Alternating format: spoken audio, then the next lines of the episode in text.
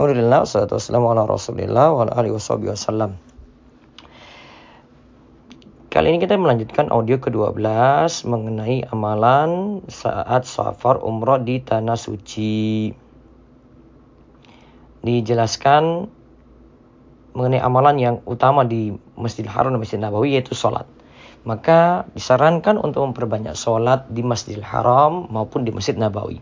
Hadisnya dari Jabir radhiyallahu anhu Nabi sallallahu alaihi wasallam bersabda, "Salatan fi masjidi afdalu min min alfi salatin fi masiwahu il masjidil harama salatan fil masjidil harami afdalu min mi'ati alfi salatin fi masiwahu." Salat di masjidku itu Masjid Nabawi lebih utama daripada seribu salat seribu salat di masjid lainnya selain Masjidil Haram.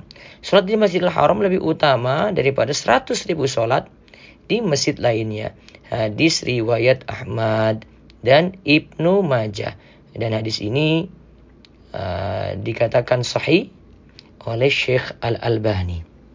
Intinya jangan sampai lalaikan sholat di situ. Yang jelas yang dipastikan pahalanya berlipat adalah sholat di Masjidil Haram dan Masjid Nabawi.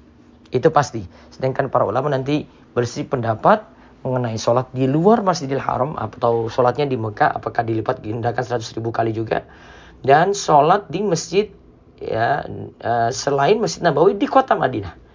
Yang jelas yang pasti ada uh, kalimat jelas dari Nabi SAW sholat di Masjid Nabawi maupun sholat di Masjidil Haram.